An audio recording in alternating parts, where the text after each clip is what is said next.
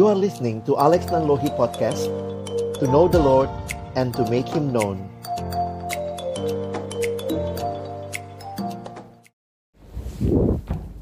Selamat pagi teman-teman sekalian. Video tadi menggambarkan apa yang sudah kita bahas di dalam sesi-sesi sebelumnya. Tapi kemudian satu hal yang muncul dalam pikiran saya Apakah engkau dan dalam pergumulanmu meyakini bahwa Yesus satu-satunya jalan. Banyak orang Kristen tidak mengerti kekristenan Menganggap Yesus salah satu jalan. Oh semua agama sama kok. Kalau begitu pemikiranmu, saya pikir kita harus clearkan lebih dulu bahwa kalau ada jalan keselamatan yang lain, maka sebenarnya Yesus bukanlah satu-satunya juru selamat. Tapi Alkitab mengatakan tidak ada seorang pun yang sampai kepada Bapa kalau tidak melalui aku. Ada yang bilang kok Kristen sombong banget sih? Ngaku satu-satunya jalan. Tapi saya pikir kalau memang cuma satu-satunya jalan itu bukan sombong.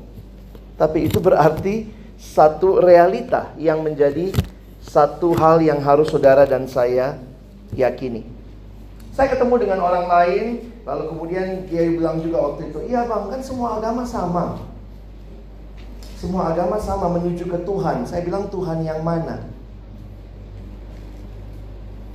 Tapi ternyata banyak orang Kristen tidak menghayati kekristenannya, merasa Yesus hanyalah salah satu dari pilihan juru selamat yang ada. Kekristenan bicara Yesus satu-satunya jalan keselamatan.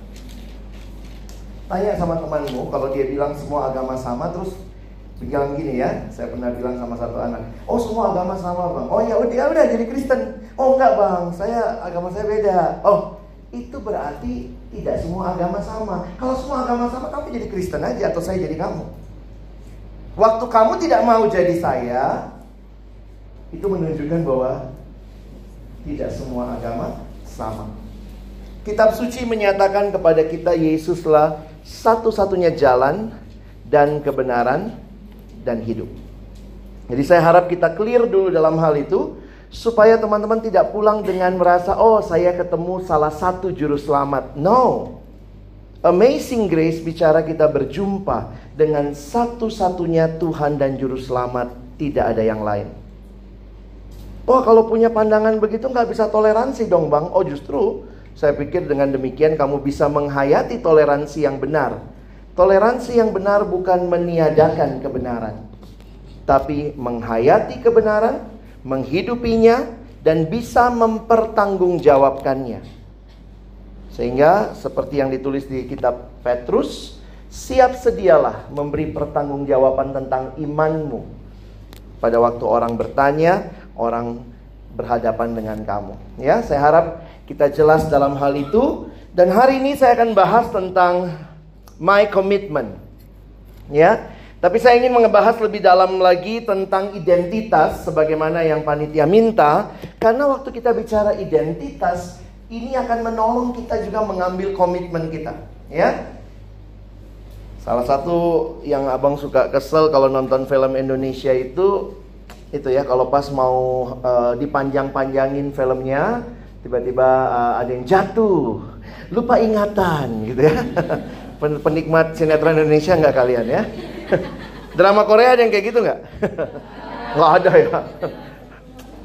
Jadi apa ya? Saya pernah pulang tuh, terus kemudian saya tanya mbak saya di rumah yang bantu kami. Waktu itu saya kaget gitu ya. Dia lagi nonton waktu itu ada uh, sinetron Putri yang tertukar, nggak tahu tuh.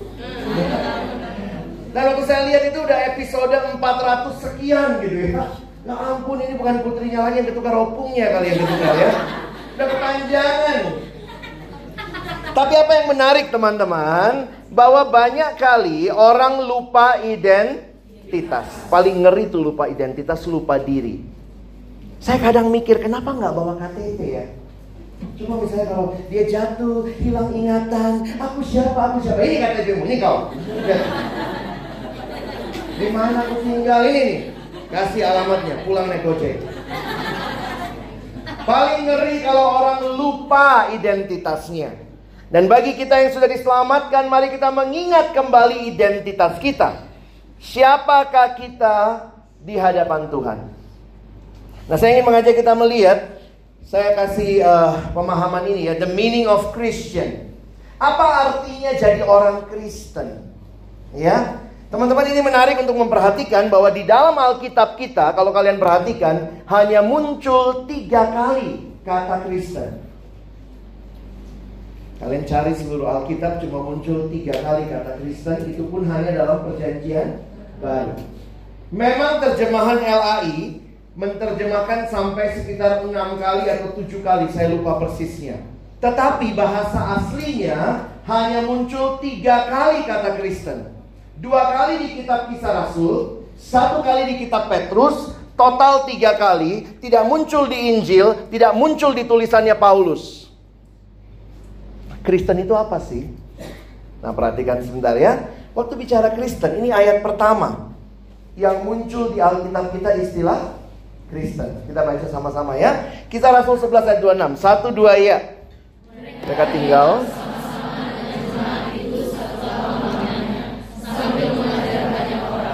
Di Antioquia lah murid-murid itu untuk pertama kalinya di Antioquia lah mereka pertama kali disebut Kristen. Perhatikan nanti ayat ini yang kedua kali muncul di dalam Kisah Rasul 26 ayat yang ke-28. Ketika Paulus di hadapan Raja Agripa, Paulus masih sempat memberitakan Injil. Itu adalah padahal pengadilan sidang, tetapi dia memberikan jawab kepada Agripa dan Agripa waktu itu sampai ngomong begini. Hampir-hampir saja kau yakinkan aku menjadi orang Kristen. Satu kali lagi muncul di 1 Petrus 4 ayat 16. Kita baca ya. 1 2. Ya. Tetapi jika ia menderita sebagai orang Kristen,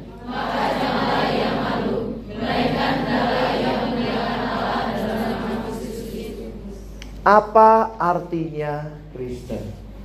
Waktu saya perhatikan ini jadi menarik teman-teman ya. Perhatikan beberapa fakta dari ayat yang pertama ini yang muncul. Perhatikan istilah yang muncul dan kalimatnya dalam bahasa aslinya itu nampaknya sesuatu yang diberikan kepada mereka. Karena bentuknya pasif. Bukan mereka bilang kami Kristen, kami Kristen, tetapi nampaknya ini diberikan oleh orang-orang yang melihat hidup mereka, bahkan beberapa penafsir mengatakan nampaknya ini ejekan untuk orang-orang yang ikut Yesus. Ini bulian abad pertama. Begitu lihat orang itu, wah, ini orang-orang yang Kristen. Jadi mereka bukan memilih nama itu buat mereka, tapi memilih nama itu atau mereka diberikan nama itu oleh orang-orang yang lihat hidup mereka. Nah, menariknya begini teman-teman ya. Kristus itu apa sih? Kenapa disebut Kristen? Kalau bahasa Inggris kan Christian. Ada ian belakangnya ya. Coba lihat di Alkitabmu, Kristus buka di kamus di belakang. Ah, jarang-jarang buka kamus ya. Atau ah, baru tahu, iya ada kamus ya bang. Aduh, yuk lihat di kamus. Makanya rajin-rajin bawa Alkitab cetak ya, karena di HP suci nggak ada tuh. Kitab suci ada di HP suci nggak ada. Coba lihat Kristus. Ketemu? Oke. Itu adalah terjemahan Yunani dari kata Ibrani Masyiah atau Mesias. Bahasa Arabnya Al-Masih. Artinya yang diurapi oleh Tuhan. Jadi itu sebenarnya gelar. Yesus Kristus. Berarti Yesus yang diurapi oleh Tuhan. Yesus Kristus, Yesus Mesias. Mesias yang diurapi oleh Tuhan. Perhatikan lebih lanjut. Yesus disebut Kristus karena dialah yang dipilih Allah menjadi penyelamat dan Tuhan. Akhirnya Kristus juga menjadi nama diri untuk Yesus. Jadi sebenarnya itu bukan marganya, ya. Yesus marga ahado Kristus. Bukan, ya. Itu adalah sebutannya. Jadi kalau dibilang Yesus Kristus, berarti Yesus yang adalah Tuhan yang adalah Mesias. Bahkan saudara-saudara kita yang muslim mengatakan Isa Al-Masih. Berarti dia yakin dong, dia percaya juga ya secara sebutan Yesus Al-Masih. Kristus. Nah, yang menariknya begini, kenapa waktu orang lihat hidup mereka yang menonjol dari mereka adalah Kristen, Kristian. Waktu saya dengar anak-anak di uh, kalau apa ya di Jakarta, kalau anak kampus Binus menyebut namanya dirinya Binusian. Iannya itu menunjukkan kayak kebinusannya gitu ya. Nah, Ian orangnya yang pandangannya dan hidupnya seperti Gus Dur, mereka menyebut dirinya Gus Durian. ya, coba lihat gitu ya. Oleh Gus Durian gitu ya. Kita yang hidupnya kayak Kristus disebut Kristian kira-kira gitu ya. Kalau namanya Kristian tuh berat tanggung jawabnya. ya, tapi yang menarik begini loh teman-teman. Kenapa mereka nggak menyebut Yesusian? Ya, kenapa yang dikatakan adalah Kristian? Saya pikir karena hidup dari murid-murid yang pertama ini, hidup mereka sangat meninggikan Yesus. Tidak ada juru selamat yang lain. Waktu orang melihat hidup mereka tidak ada nama lain selain apa? Ini orang-orang yang Kristian, Kristen hidupnya menyatakan Yesus yang paling utama. Pertanyaannya kalau orang lihat hidupmu, orang lihat apa ya? Nah, apa orang akan bilang, wah ini nih muridnya Yesus nih. Ada nggak temanmu di kampus udah gitu ya? Yesus sekali kau. Belum ya? Hah? Hah? Belum?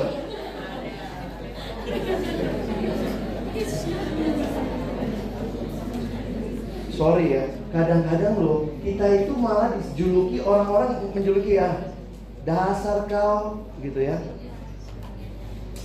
Uh, kalau orang lihat hidup kita lalu dia bilang dasar kau anak setan, berarti apa kamu yang kelihatan? Setan ya. Waktu orang lihat hidupmu apa yang dia lihat? Saya pikir orang tua yang normal, ini orang tua yang normal ya pasti ingin anaknya mirip mirip dia. Ada nggak bapak mamamu kalau kau pulang kampung gitu? Enggak, bapak bangga kali. Lihat matamu nak mirip tante di seberang jalan. Nggak mungkin lah. Lihat hidungmu nak, hidungmu kayak uh, itu ya tulang itu ya siapa lagi ya tulang belulang yang lewat-lewat misalnya. Jadi saya pernah nanya, ada nggak orang tua yang pengen anaknya mirip tetangga? Ya kalau tetangganya artis mau juga katanya bang. Tapi kan namanya orang tua, ini anakku. Kadang-kadang kalau jalan di mall sama bapak mama atau mungkin jalan ke mana, lalu orang lihat, wah ini terus bapak bilang ini anakku. Oh ya udahlah nggak usah tes DNA, udah fotokopimu itu. Mirip, kemiripan itu jadi satu kebanggaan. Jadi waktu teman saya, teman KTB kami uh, melahirkan ya, itu anak pertama waktu itu dia yang pertama menikah dari kami lalu pas melahirkan itu suami istri teman KTB kami tapi tetap yang melahirkan istrinya waktu itu ya. Untuk kami besuk begitu ya. Pas sampai ke situ, pas anaknya bayinya baru menyusu ya. Baru selesai menyusu jadi mamanya pamer lah sama kami. Lex, lihat anakku. Hidungnya kan hidungku ya, jidatnya jidat bapaknya. Tiba-tiba bapaknya marah. Mama! Hidungnya hidung bapak, jidatnya jidat mama. Mereka berantem gitu, hidung, jidat, hidung, jidat, jidat. Kami lah sebagai orang yang datang besu ya namanya produk bersama ya ada mirip sana ada mirip sini begitu ya. Tapi di situ ini kalau udah produk bersama bayarnya macam Tapi di situ saya sadar saya sadar betul bahwa ternyata orang tua itu bangga sekali ini anakku mirip aku. Kalau Tuhan lihat kamu, Tuhan bangga nggak ya? Tuhan dari surga ngaku, ini anakku itu, mirip kan? Kita nyanyi, aku anak raja, kamu anak raja, kita semua anak siapa? Kita jadi gak mirip loh. Tuhan bilang kayak kayak gitu hidupku. Ini jadi tantangan buat kita. Jangan cuma ngaku-ngaku Kristen. Hei, khususnya kalian suku-suku yang sudah merasa diri Kristen dari kecil, dari opung, opung punya opung. Melayani generasi yang Kristen tradisional bagi saya jauh lebih sulit. Kenapa? Sudah merasa diri kenal Tuhan. Sorry, saya dari Indonesia Timur. Saya Papa Ambon, Mama Manado, lahir besar Makassar. Kuliah di Jakarta, Indonesia banget gua. Tapi poin saya adalah saya kadang-kadang melihat ini yang Kristen tradisional ya. Maaf teman-teman dari huta-huta sana itu. Kau yang dari timur, Papua, Ambon, Medan, Kupang dan sekitarnya yang merasa kayak Yesus dekat sekali sama hidupmu tapi hidupmu tidak menunjukkan Yesus. Malu sama statusmu. Yesus suka minum-minum. Oh, Yesus juga mabok, Pak. Yesus suka judi. Yesus suka berbuat tidak senonoh. Kalau Yesus kuliah sekarang, Yesus suka nyontek nggak ya? Oh, Yesus suka titip absen. Kadang saya pikir Tuhan, jangan sampai kami ini bukan mempermuliakanmu, kami hanya mempermalukanmu. Kristennya turun, tapi bukan itu yang orang lihat. Ih, dia Kristen tapi gila itu bangsat itu preman betul itu. Itu bajingan kan kalau orang timur suka ngomong. Oi, bajingan. Woi. Kenapa? Tidak ada sedikit pun keindahan Kristus yang dilihat orang. Tapi yang dilihat apa? Woi, anjing. Kenapa kau persis kayak anjing? Ketemu pacar lompat. Hmm. Ada orang-orang yang tidak bisa melihat status. Lupa identitas. Jadi, aku siapa? Aku siapa? Pagi ini saya bilang, ini kau, Kristen.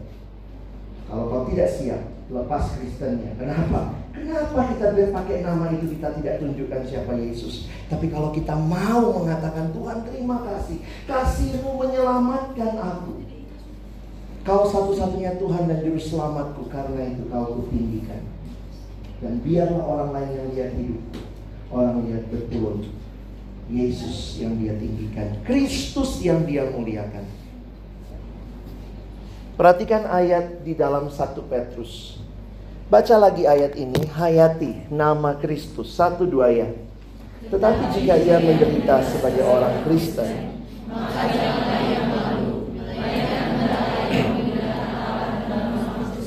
Kadang-kadang jadi orang Kristen itu ditertawakan, bodoh, goblok, hidup kayak gitu aneh banget.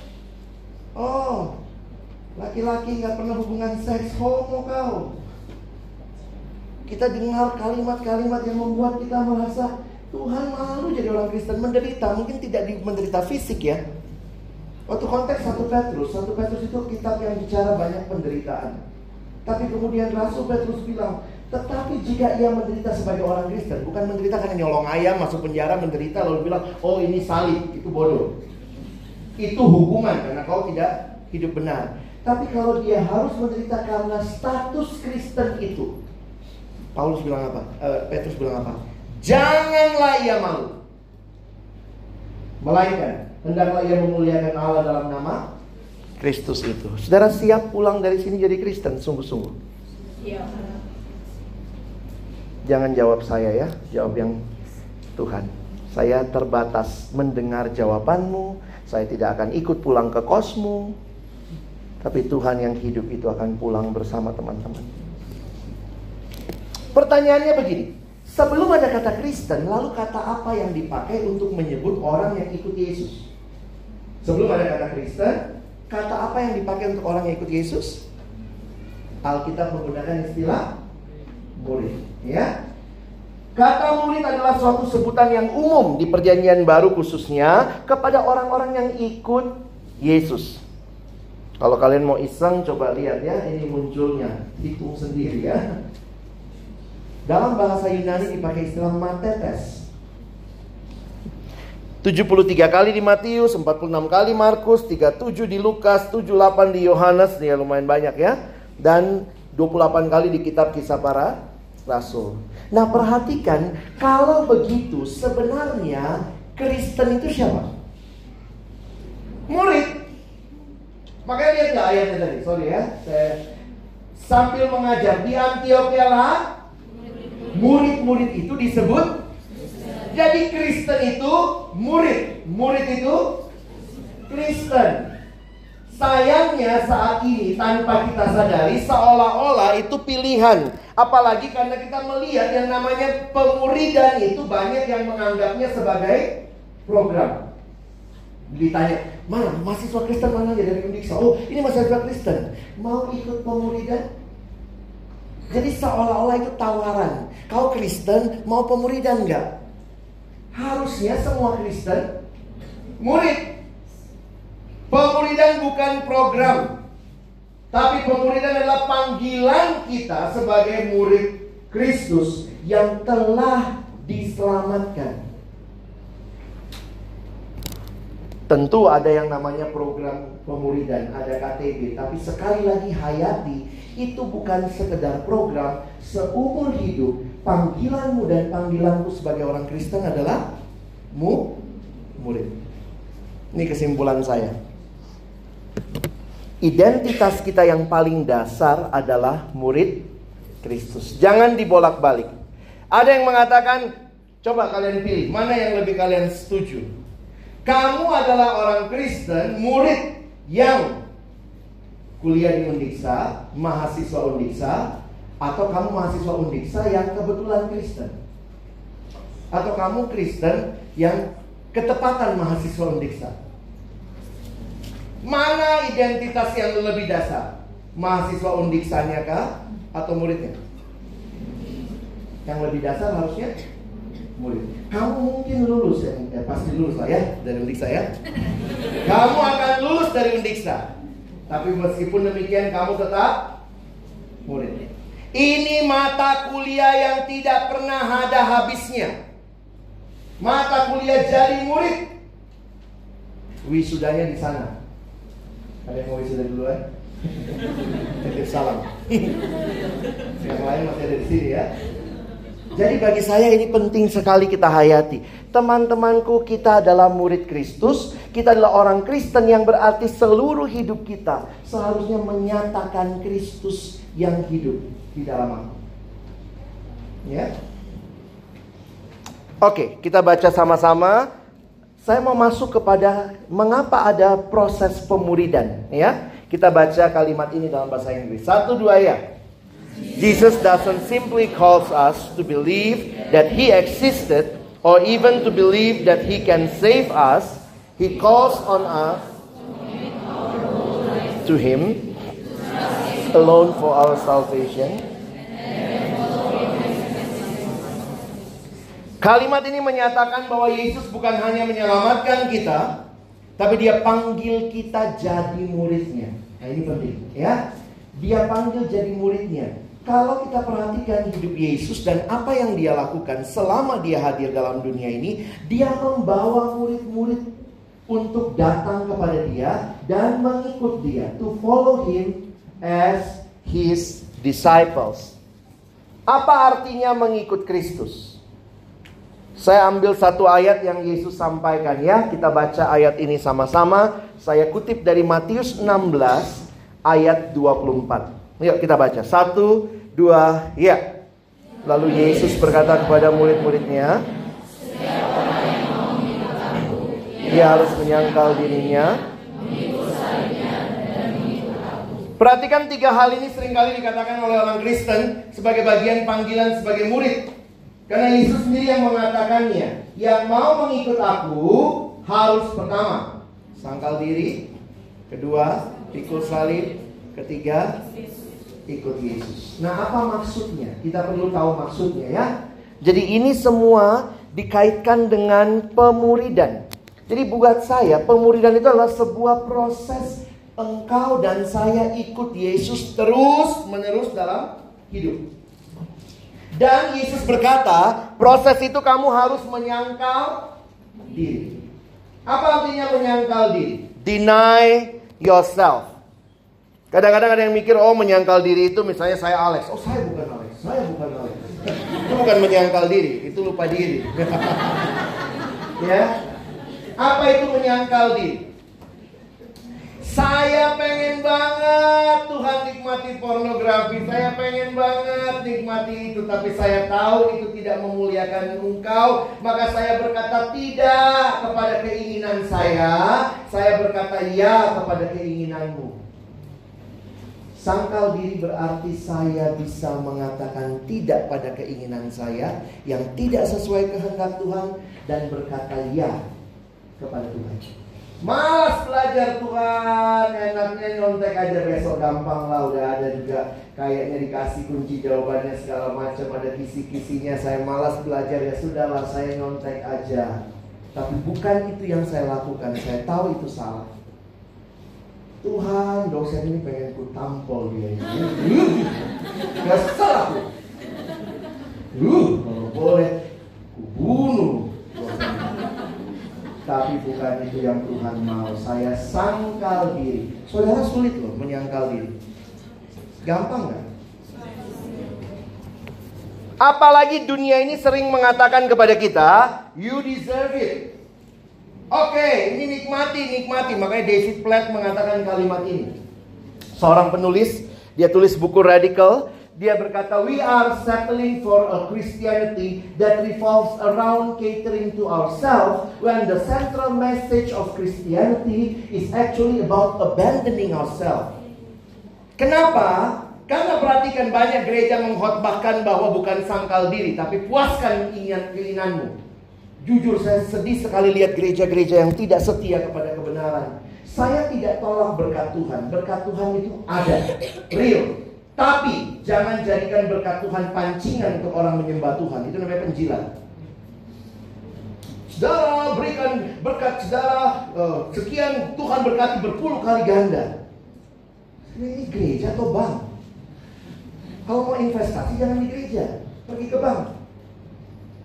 Tapi berita-beritanya adalah kamu akan diberkati, kamu akan dapat apa yang kamu mau, semua yang kamu mau ada.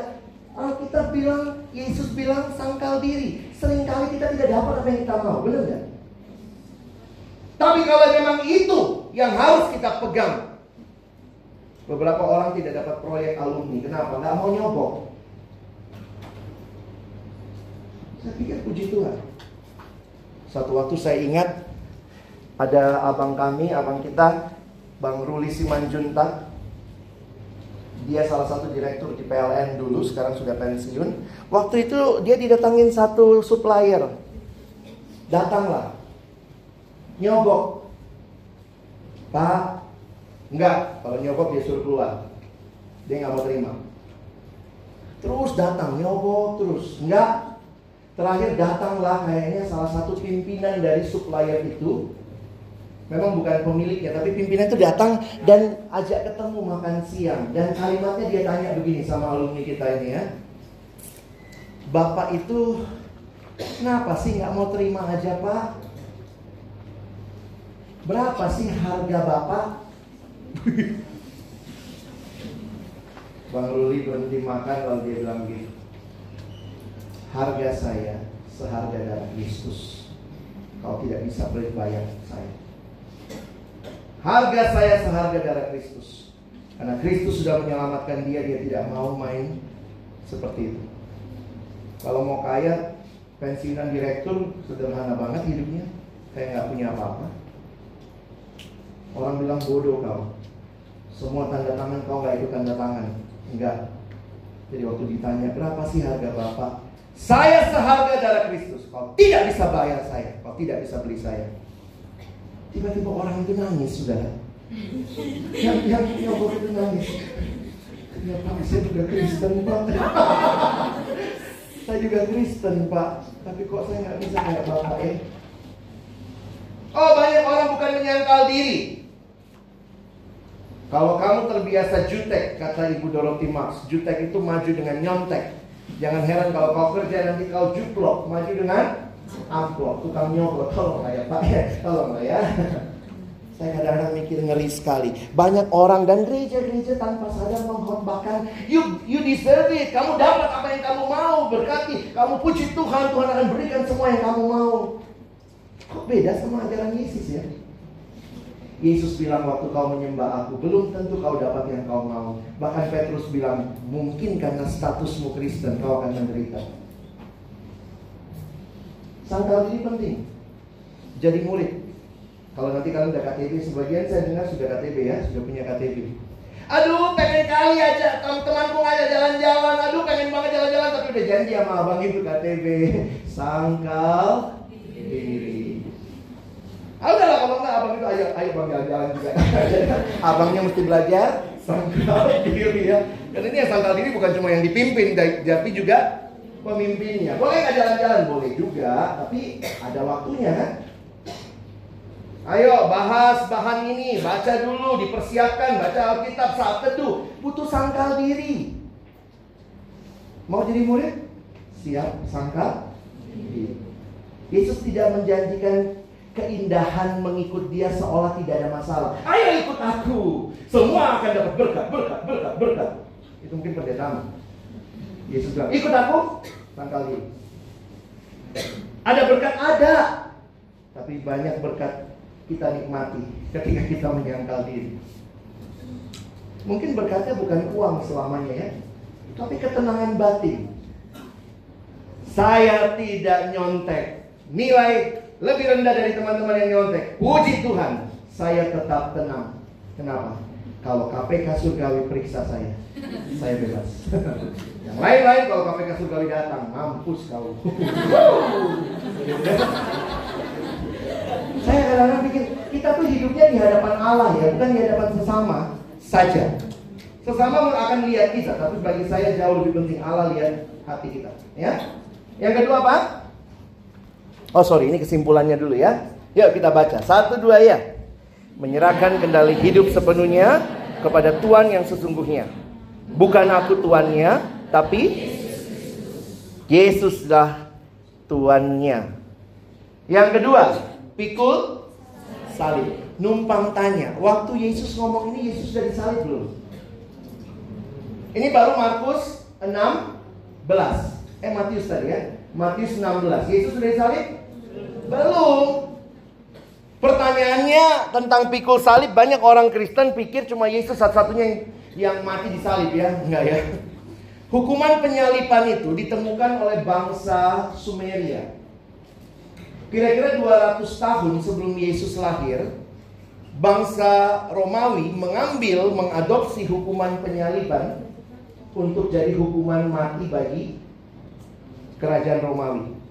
Tapi kalau kalian perhatikan sejarah, yang dihukum salib hanya warga negara non Romawi. Kalau kamu warga negara Romawi, maka hukuman matinya di penggal. Mana lebih enak, disalib apa dipenggal? Eh sama-sama mati. Tapi kayaknya lebih manusiawi yang dipenggal kan? Karena hukuman penyalipan itu bisa tergantung secara sadar hidup-hidup sampai mati pelan-pelan. Bisa satu minggu kalau dia kuat. Makanya jangan heran Yesus disalib kan masih ngobrol tuh ya. Dan kau bilang, asik ya disalib bisa alisan, ya, ya. Saya kalau bayangkan begini loh teman-teman. Lihat ya, Tuhan Yesus orang Yahudi bukan warga negara Roma. Makanya matinya di salib.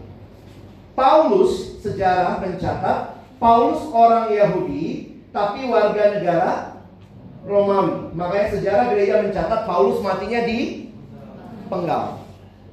Jadi ternyata hukuman penyalipan itu ada satu tambahan bukan hanya untuk hukuman mati, tetapi untuk mempermalukan bangsa lain. Makanya orang Yahudi atau sorry orang Romawi memperlakukan hukuman penyalipan hanya untuk warga negara non Romawi. Dan waktu itu banyak orang yang disalib. Jadi bukan cuma Yesus. Waktu Yesus aja berapa yang disalib sampingnya? Dua. Ada dua lagi kan?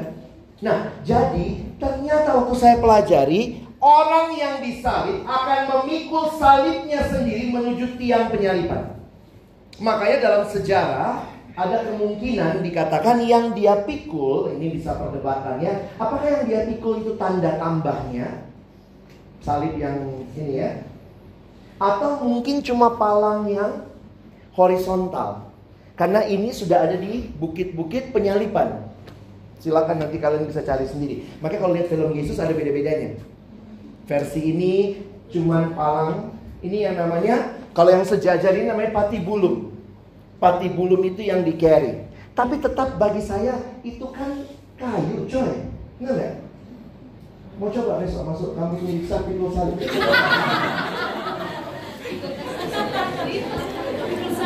Bayangkan begini ya. Ini diikat. Ini diikat.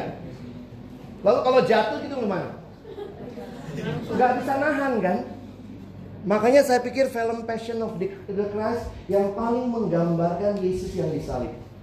Sebelum film Passion of the Christ, itu Yesusnya ganteng-ganteng, disalib pun masih keren. Gitu ya. Passion of the Christ, ya Allah mukanya itu udah hancur gitu ya. Karena hampir pasti itu yang lebih tepat. Poinnya apa teman-teman? Orang yang disalib akan pikul salibnya disuruh memutari rute yang paling jauh. Itu dipakai rute yang paling jauh. Jadi nggak lewat jalan tol. Mana yang paling dekat ke tiang ya? Enggak. Dia akan lewati kenapa itu dijadikan tontonan. Karena itu zaman itu biasa mereka melihat orang pikul salib. Dan Yesus ngajarnya, Yesus tuh kalau ngajar sangat relevan ya. Saya terinspirasi dengan Yesus kalau ngajar. Paulus memang anak kota. Makanya Paulus uh, ilustrasinya apa? Uh, atlet, prajurit, uh, petinju. Paulus ngomong tuh kalau petinju ya, dia nonton tinju kayak waktu itu ya. kan udah ada olimpiade kan. Kalau Yesus tuh anak desa, anak kampung. Uh, burung pipit, ngabaku, garam, terang. Yesus tuh simple-simple ya. Jadi saya jujur, saya sangat terinspirasi sama Yesus. Melihat iya ya, kita bisa ngajar dari hal yang sederhana. Jadi Yesus mungkin murid-muridnya kan, kau lihat itu yang pikul salib, ya ya, mau ikut aku kayak gitu. Muridnya udah tahu, oh orang yang pikul salib artinya apa? Tujuannya cuma satu, ke mana? Ke tiang penyaliban. Itu adalah single minded. Orang yang pikul salib, orang yang siap mengikut dengan sepenuh hati. Orang yang pikul salib, orang yang siap menderita. Dan bahkan mati. Nggak ada orang lagi pikul salib. Ih mendung, eh jemuran di kos pulang dia. Nggak ada. Pikul salib itu no turning back. Makanya ada lagu ya. I have decided to follow Jesus. I have decided to follow Jesus. I have decided to follow Jesus. No turning back, no turning back. Gak bisa balik-balik gitu ya. Lagi pikul salib, hai. Bukan selebriti saudara. Bahkan pada waktu itu dikatakan, sebelum dia pikul salib dia akan disesah. Itu yang memang membuat hancur luar biasa.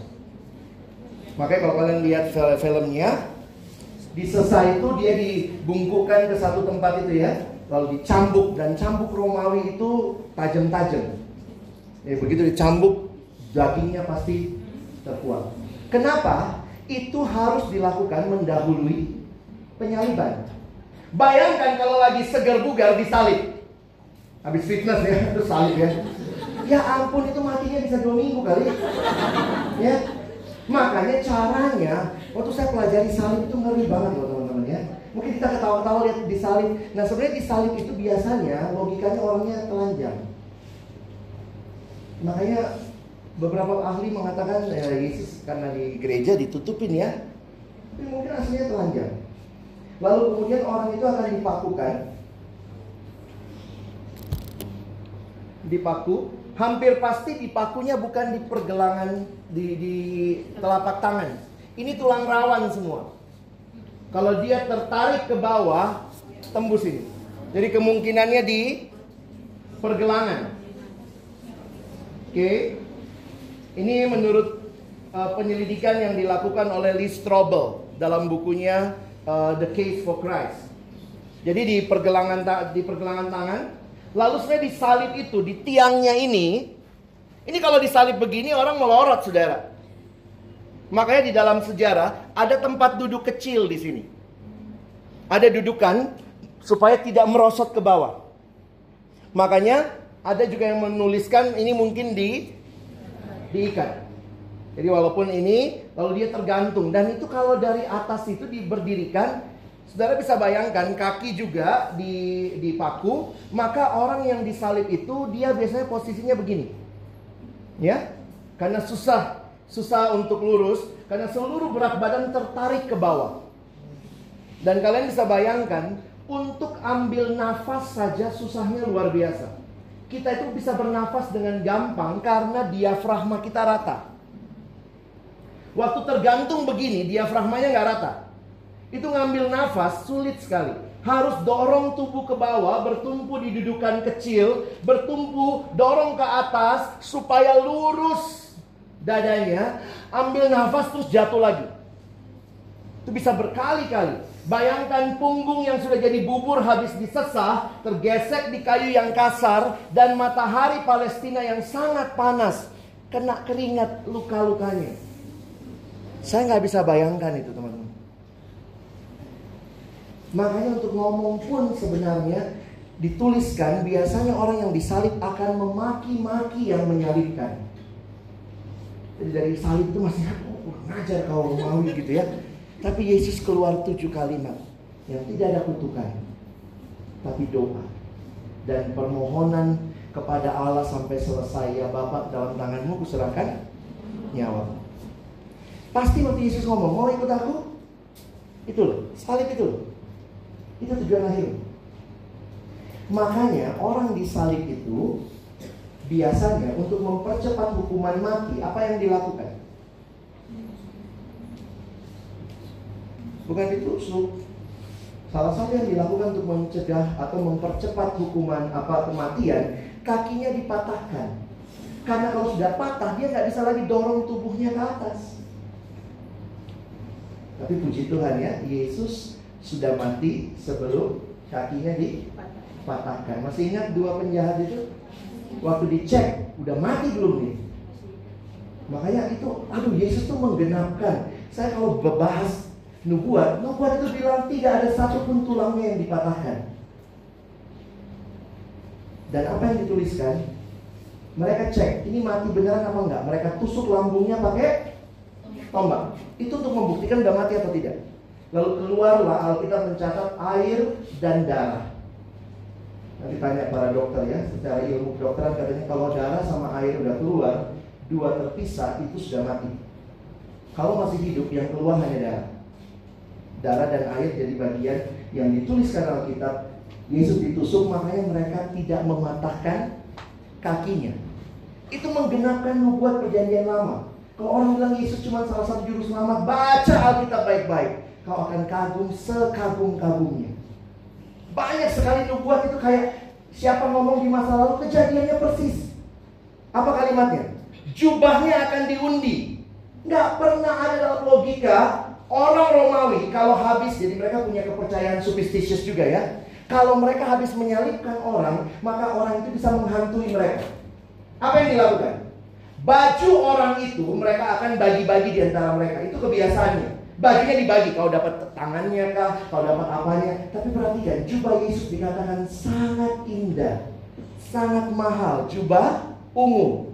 Karena itu mereka tidak menyobeknya, tidak membaginya. Mereka membuang undi atasnya.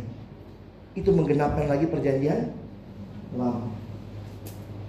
Tirai bait Allah terbagi dua. Kita pikir ah paling ya tirai bait Allah kebagi dua. Waktu saya bah, apa lihat lagi dari atas ke bawah. Coba lihat logikanya. Kalau tirai terbagi dua, biasanya logikanya dari bawah ke atas ada anak-anak main-main gitu ya, eh, satu tanya sana, set, sampai sampai atas. Ini enggak gitu loh. Alkitab mencatat tirai itu tersobek dari atas ke bawah. Kalau kalian belum cukup kagum sama Yesus, masih butuh juru selamat lain, ikut KTP. Baca Alkitab baik-baik. You will be amazed. Dia satu-satunya juru selamat yang menggenapkan semua sangat detail. Luar biasa. Mau ikut dia? Siap mati? Yesus panggil kita bukan buat hidup loh. Oh, tapi dia bilang akulah jalan keselamatan dan hidup. Saya kutip satu kalimat seorang pengkhotbah mengatakan, He calls us to life, but that life achieved through death to ourselves. Dia panggil kita pada hidup, tapi sampai kepada hidup itu harus melalui mati terhadap diri sendiri. You want to follow him? Ready to die for yourself? Ada buku yang ditulis oleh Kyle Edelman, The End of Me. Habis aku. Dan waktu aku habis, maka dialah segala galanya. Ya, Teman-teman saya tidak menjanjikan. Karena kita bicara komitmen sih pagi ini ya. Kalau saya bilang, oh Tuhan akan berkati kamu ya Ayo isi komitmen, kalian akan isi. Oh puji Tuhan, tapi pulangnya. Aduh abang itu pembohong ya. Susah ternyata ikut Yesus. Saya lebih baik hari ini mengatakan kepada kalian Ikut Yesus itu sulit Tapi bisa. Dengan kekuatan dari Tuhan di retret-retret banyak yang menjadi bisa bisa bang tapi pulang. Bisa bang tapi sulit. Mana lebih bagus? Bisa tapi sulit. Atau sulit tapi bisa. Sulit tapi bisa ya? Berapapun harga yang harus dibayar. Terakhir ikut aku ya ikut Yesus. Jadi jangan sangkal diri pikul salib ikut dunia. Sama juga gitu ya. Kalimat dalam bahasa yang lain atau dalam uh, Injil yang lain sinoptik paralelnya mengatakan follow me ikut aku daily setiap hari. Jadi ini bukan satu oh saya cuma ikut Yesus kalau di retret. No. Kita ikut dia setiap hari. Kita baca ayat ini sama-sama ya. Matius 10 Ikut Yesus tuh kayak apa sih? Nah, lihat gambarannya ya, kita baca. Satu, dua ya. Barang siapa mengasihi bapa atau ibunya lebih daripadaku, dan barang siapa mengasihi anaknya laki-laki atau perempuan,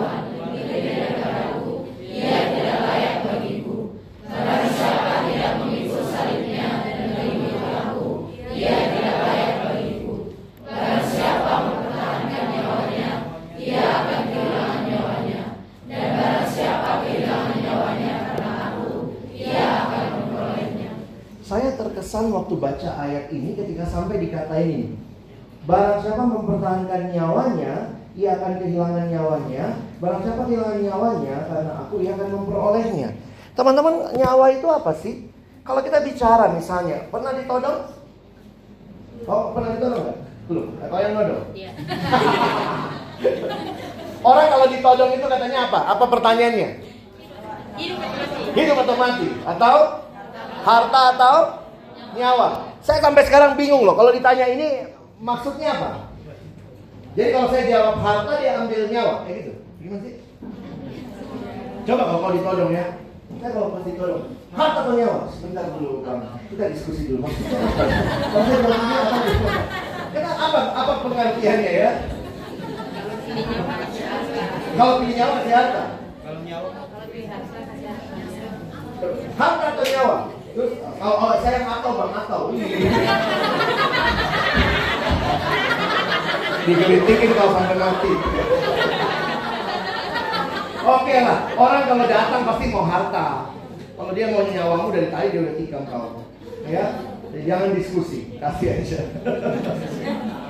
Tapi ini kalimatnya menarik. Sekarang abang tanya nih. Mana lebih berharga menurutmu, harta atau nyawa? Nyawa. Eh betul. Nyawa berharga ya? Harta? Harta bisa dicari, nyawa? Ya, kalau main game kan ada tiga nyawanya. Ini generasi game sekarang ya. Kadang-kadang kalau mikir ini, harta atau nyawa? Ya, memang ya, yakin ya lebih berharga nyawa? Harta atau nyawa mana lebih berharga? Nyawa. Nyawa. Ngapain kaya nggak punya nyawa? itu hotel siapa punya? Dia punya. Itu gunung, oh dia punya juga di baru beli kemarin. Itu helikopter dia punya juga. Itu mobil, semua mobil dia punya. Dia mana? Mati tadi punya harta, nggak punya nyawa, sedih ya. Tapi punya nyawa, nggak punya harta juga sedih. punya nyawa, nggak punya harta. Nah makanya makanan kami yang secukupnya ya. Oke, jadi buat kamu yang lebih berharga adalah nyawa. Setuju ya? Sampai orang rela kehilangan harta supaya nyawanya selamat. Kalau lagi sakit begitu ya, pergi cari dokter apa pun, pokoknya yang penting nyawanya selamat. Sampai habis-habisan uang, yang penting nyawanya selamat. Nah pertanyaannya, kalau harta sama nyawa lebih penting, nyawa, sekarang jawabnya dalam hati saja, biar nggak malu ya, dalam hati saja. Mana lebih berharga, nyawamu atau Yesus?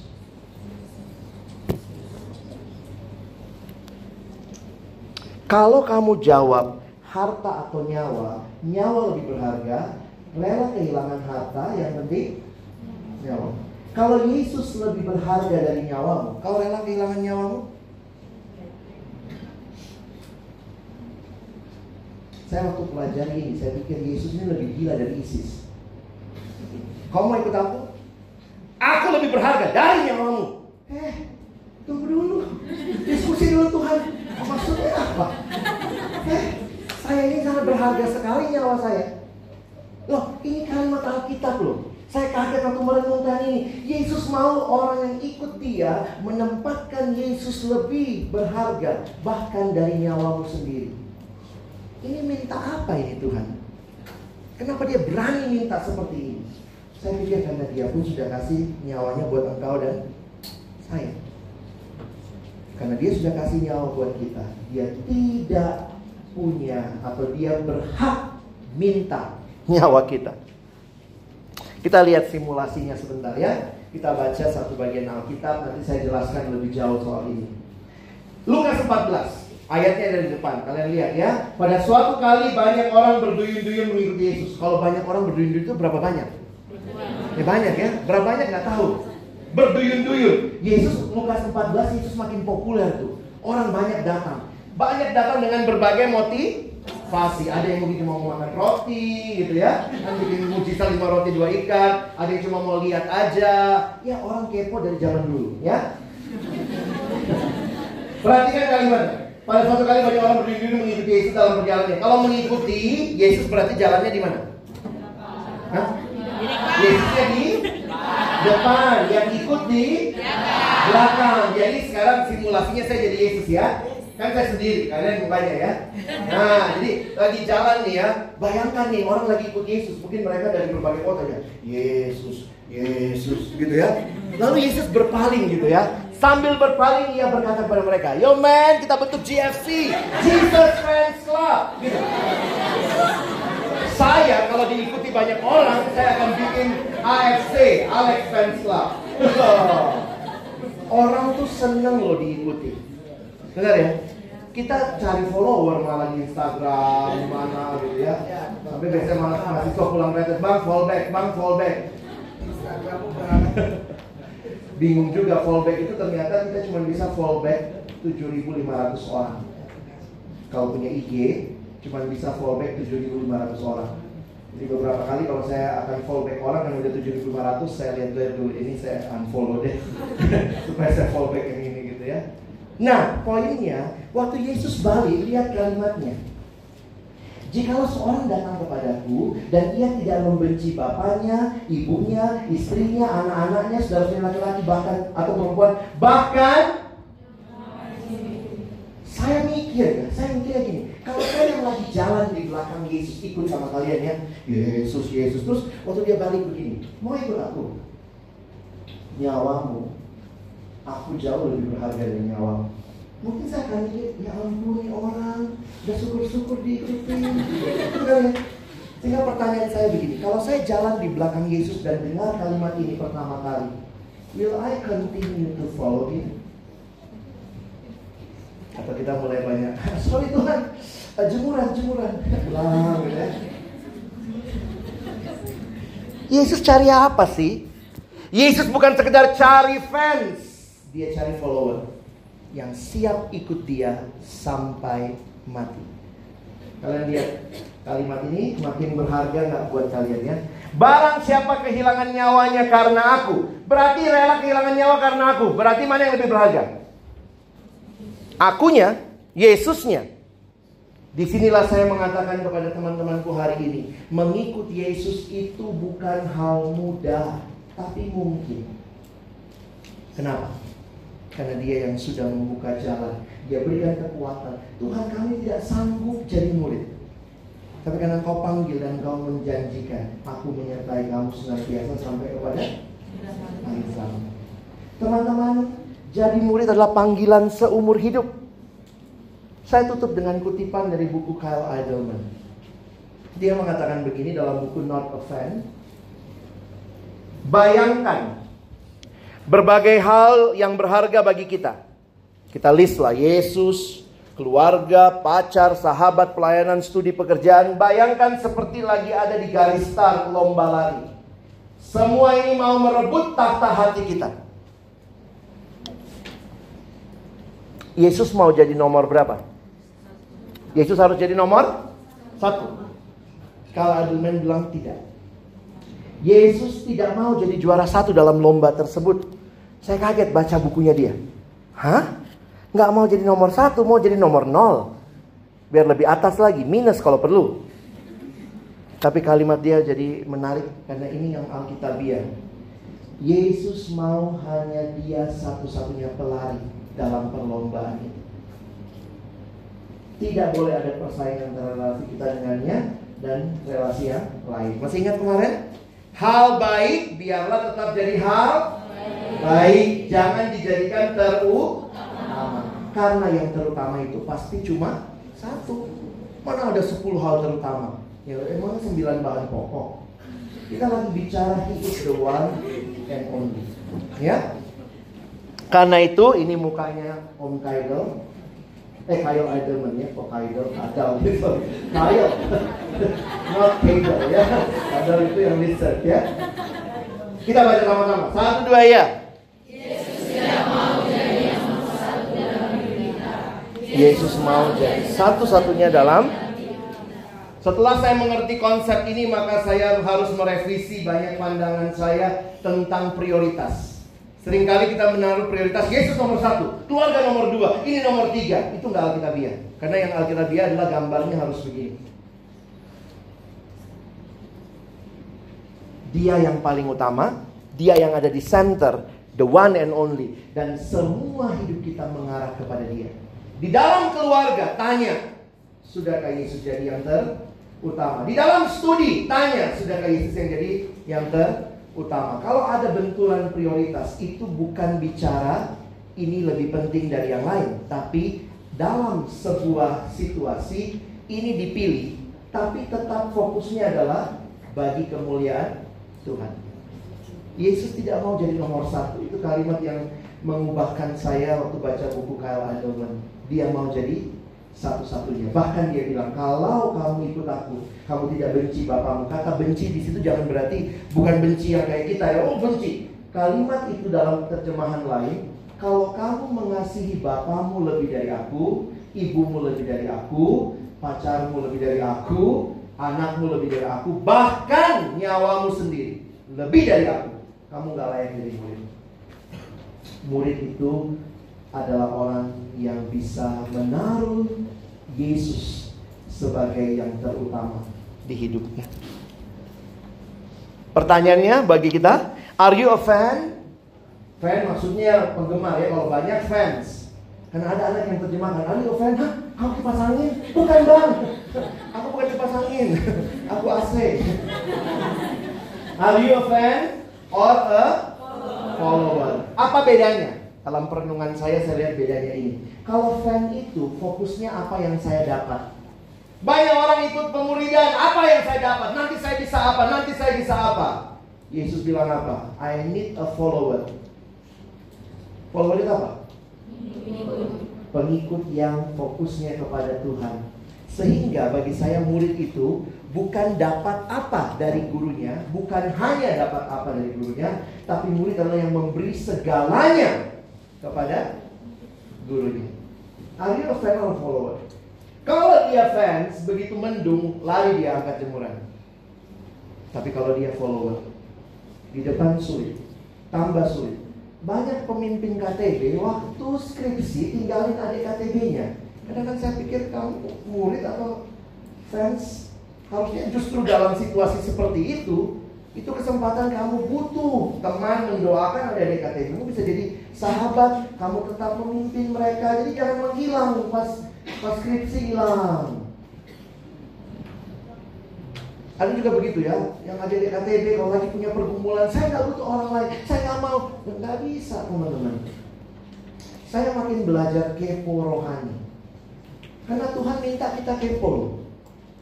Kalian mungkin di Bali banyak nilai hidupnya your business, your business, my business, my business. Tapi Alkitab nggak bicara begitu. Di dalam Tuhan ada kasih, ada penghiburan. Tegurlah dia kalau dia salah. Memang nggak gampang ya. Saya dengar kondisi Bali nggak gampang. Saya cerita sedikit pengalaman kakak saya. Kakak saya studi di Australia. Memang nggak mudah ya. Studi di Australia waktu mereka lulus SMA dapat beasiswa dari pemerintah Australia. Jadi mereka berangkat itu waktu itu yang dapat daerah-daerah kantong Kristen. Uh, sorry, daerah Indonesia Timur. Jadi kami, kakak saya dari Makassar, ada teman dari Kupang, ada teman dari uh, Ambon, dari Manado. Nah, mereka kemudian uh, sewa flat. Anak SMA baru lulus ke luar negeri, lalu kemudian biasa lah ya mereka uh, sewa flat sama-sama tiga perempuan. Mereka ke gereja yang sama, mau bertumbuh dalam Tuhan. Jadi kakak saya karena sudah ikut kelompok kecil dari SMA, jadi rindu hidup dalam Tuhan ya. Lalu biasalah mulai lama-lama salah satu temannya mulai pacaran. Nah pacaran, pacarnya dibawa ke apartemen. Awalnya ya ngobrol-ngobrol di luar ya, di ruang tamu. Eh lama-lama pacaran kok masuk kamar. Mulai masuk kamar, mulai masuk kamar. Akhirnya mereka merasa sebagai sesama anak Tuhan. Dua temannya, kakak saya dan temannya satu lagi berkata kami mesti ngomong. Tapi itu kan privasi orang, apalagi di luar negeri, kita kan bebas. Jadi memang itu yang dikasih tahu juga nggak terima awalnya. Enggak kok kami di kamar nggak ngapa-ngapain. Kalau nggak ngapa-ngapain di kamar di ruang tamu aja. Karena di kamar godaannya lebih lebih besar. Tapi saya bersyukur waktu saya dengar cerita kakak saya, dia bilang meskipun kami jauh dari orang tua, kami ikut Yesus dan kami mau hidup benar dan kami punya tanggung jawab untuk teman kami ini. Jadi mereka tegur. Soal dia dengar nggak dengar itu nomor dua ya, tapi mereka berani menegur. Jadi memang kadang-kadang nggak gampang teman-teman ya. Kita pikir ya itu privasi orang. Itu bukan privasi kalau itu wilayah kekristenan. Itu tanggung jawab. Melihat saudara jatuh, tanggung jawabmu. Doakan dia. Belum bisa ngomong, doakan dia. Minta Tuhan kasih kesempatan bicara dan nyatakan kebenaran. Saya belajar itu dari senior saya, Bapak Tadius Gunadi. Dia bilang kalau kita Kristen pun sudah ambil nilai dunia. Nilai yang berkata urusan urusan urusan urusan itu nilai dunia. Itu bukan nilai Alkitab. Kalau kamu mau jadi komunitas yang membangun, bersedia diintervensi diri. Seperti yang saya cerita kemarin ya, satu anak, Kak tolong saya, saya pornografi, kasih password laptop. Ih kak privacy, mau ditolong nggak? Iya kak, buka, sekarang buka, buka, hapus. Kadang-kadang kita mau mau hidup kudus, nggak mau berjuang, tidak butuh komunitas, mau sendiri nggak bisa. Tuhan sudah tetapkan kau butuh sahabat, karena itu Tuhan ciptakan. Kalimat pertama di Alkitab tidak baik, muncul di Kejadian 2:18. Tidak baik kalau manusia itu seorang diri. Setelah semua dicipta, baik, baik, baik, sungguh amat baik. Tiba-tiba kejadian dua, tidak baik. Apa yang tidak baik? Kalau manusia seorang diri. Terus kita sekarang mau hidup seorang diri. Saya nggak butuh persekutuan, nggak butuh gereja, nggak butuh kakak pembimbing. Saya sama Tuhan aja. Tuhan bilang itu tidak baik kau sendiri. Banyak orang menyangkali kemanusiaannya. Saya sangat berharap kita serius dengan kekristenan kita. Memang nggak mudah ya. Saya bilang sama adik-adik gitu ya mungkin gimana kalau ada teman bawa pacar ke kamarnya? Saya bilang ya kalau dia Kristen paling tidak kita punya tanggung jawab. Gimana tanggung jawabnya bang? Ya apalah kau lakukan lah. Dalam nama Yesus keluar kalian berdua. Gitu ya. Lah setan aja kita usir. Kenapa setan kita berani usir yang begitu nggak berani sorry to say ya kadang-kadang kita kita lemah memang lemah Kak, tapi kalau dia bukan iman sama kita ya oke. Okay. Kalau dia bukan seiman tanggung jawab kita mungkin doakan dan sharing Injil sama dia. Minta kesempatan itu. Tapi kalau dia anak Tuhan, itu tanggung jawabmu. Apalagi kalau satu kampung sama-sama, satu brutal tambah brutal, ketuk kamarnya dalam nama Yesus.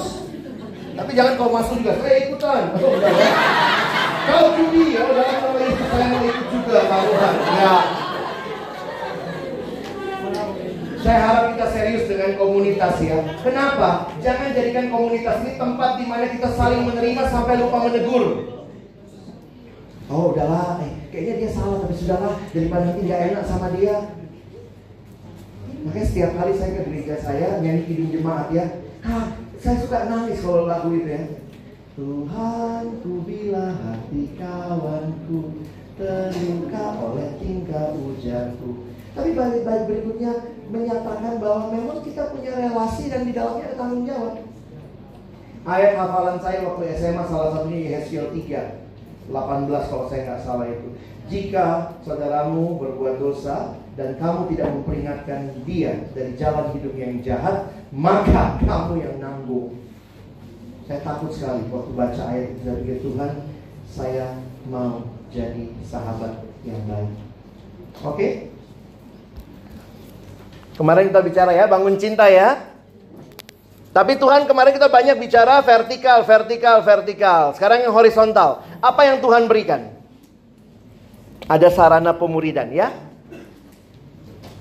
Tuhan kasih KTB, kelompok kecil. Ada nanya, apa itu kelompok kecil kak?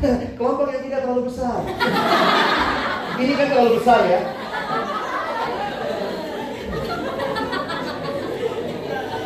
Kalau kami di Jawa banyak pakai istilahnya uh, di Jakarta pakai istilahnya kelompok kecil, kakak. Oh PKK, pemimpin kamar kecil, kelompok kecil kamar kecil ya. Nah, kelompok yang ada orang-orang yang mau bersama-sama berjalan menjadi murid. Ada yang memimpin sebagai mentor, ada yang dipimpin, kalian di kampus mungkin ada persekutuan atau di kota, kita punya kesempatan bersekutu, itu cara Tuhan. Selain memang gereja lokal, kalian saya harap punya gereja lokal yang menolong kalian untuk bertumbuh. Oke?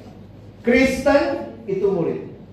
Murid itu sangkal diri, pikul salib, itu Yesus.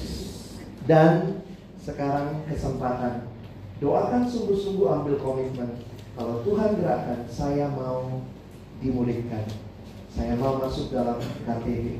Saya mau terlibat di kampus. Kalau kamu punya beban, saya juga mau melayani siswa. Kita lagi bangun pelayanan siswa di Singaraja.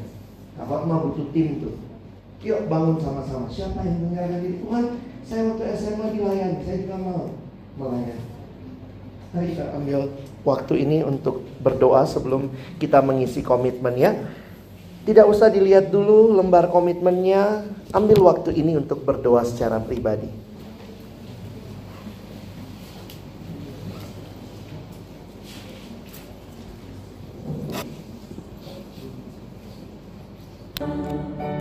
meskipun susah meskipun Alex susah menderita dalam dunia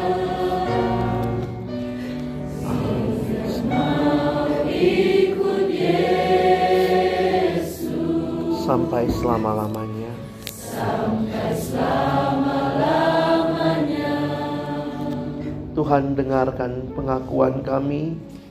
Kami yang lemah ini Tuhan kami tahu sering kali komitmen itu begitu sulit kami pegang.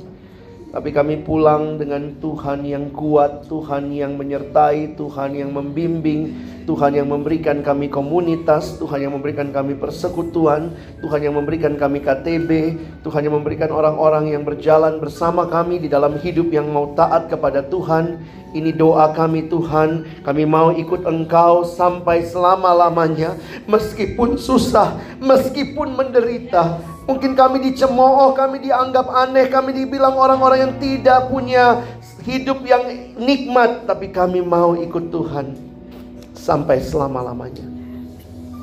Terima kasih Tuhan. Tolong kami bukan cuma jadi pendengar-pendengar firman yang setia, Jadikan kami pelaku-pelaku firman dalam satu nama yang kudus, nama Tuhan Yesus Kristus. Kami bersyukur. Kami berdoa. Amin. Silakan duduk. Dalam waktu tenang ini, ambil lembar komitmen yang kalian dibagi di awal. Ada dua bagian. Satu buat kalian di bagian yang atas, kalian bisa keep buat kalian. Bagian bawahnya kalian tulis lagi, kalian sobek, itu akan dikumpul. Ada abang kakak yang akan mendoakan keputusanmu dan juga akan memfollow up. Ada yang belum dapat lembar komitmen boleh angkat tangan. Yang belum dapat lembar komitmen boleh angkat tangan. Baik, abang kasih waktu sekitar 3 menit ke depan. Secara tenang, tidak usah bicara kiri kanan. Kalau tidak ada alat tulis, angkat tangan. Saya harap abang kakak di belakang bisa bagikan kalau ada alat tulis ya.